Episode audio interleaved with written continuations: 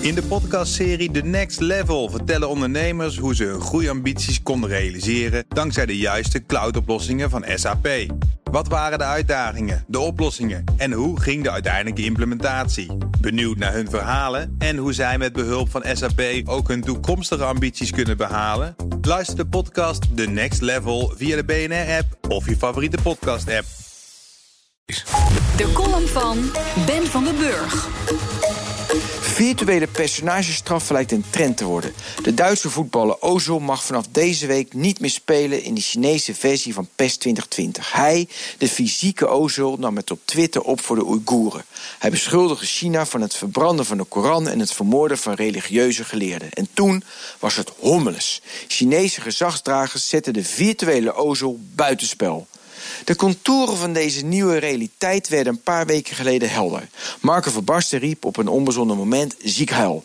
Iedereen in reperoer. En dit akkefietje kreeg online een vervolg, want FIFA 20-spelers kregen melding... Marco Verbarsten is tot nadere kennisgeving uit het spel gehaald.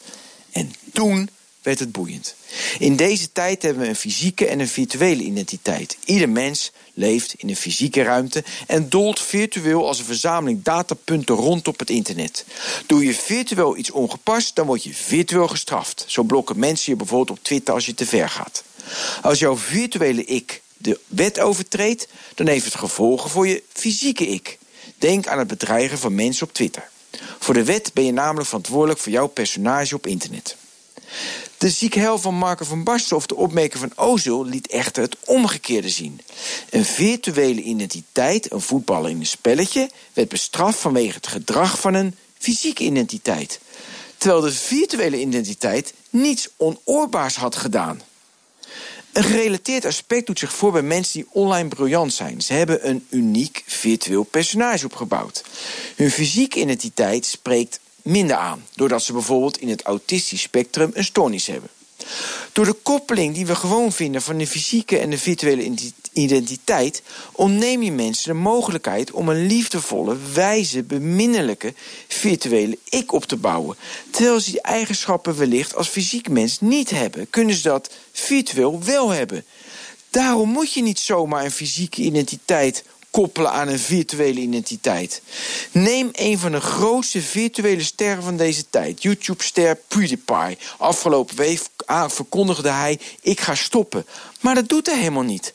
De verzinner van PewDiePie, Ulf Kjelberg, stopt. PewDiePie die leeft eeuwig voort. Anderen zullen zijn video's bewerken, samplen en becommentariëren. PewDiePie heeft weinig te maken met Ulf Kjelberg. Zoals Van Basten en Ozel weinig te maken hebben met hun personage in het voetbalspelletje. Al dus de virtuele Ben. Zij de echte Ben, Ben van den Burg, onze columnist op vrijdag. En als u zijn column wilt terugluisteren, dat kan in uh, de website pnr.nl en ook in onze briljante app. Daar kunt u ook alle columns vinden van alle andere columnisten van deze ochtendspits. En natuurlijk alle podcasts. In de podcastserie The Next Level vertellen ondernemers hoe ze hun groeiambities konden realiseren dankzij de juiste cloudoplossingen van SAP. Wat waren de uitdagingen, de oplossingen en hoe ging de uiteindelijke implementatie? Benieuwd naar hun verhalen en hoe zij met behulp van SAP ook hun toekomstige ambities kunnen behalen? Luister de podcast The Next Level via de BNR-app of je favoriete podcast-app.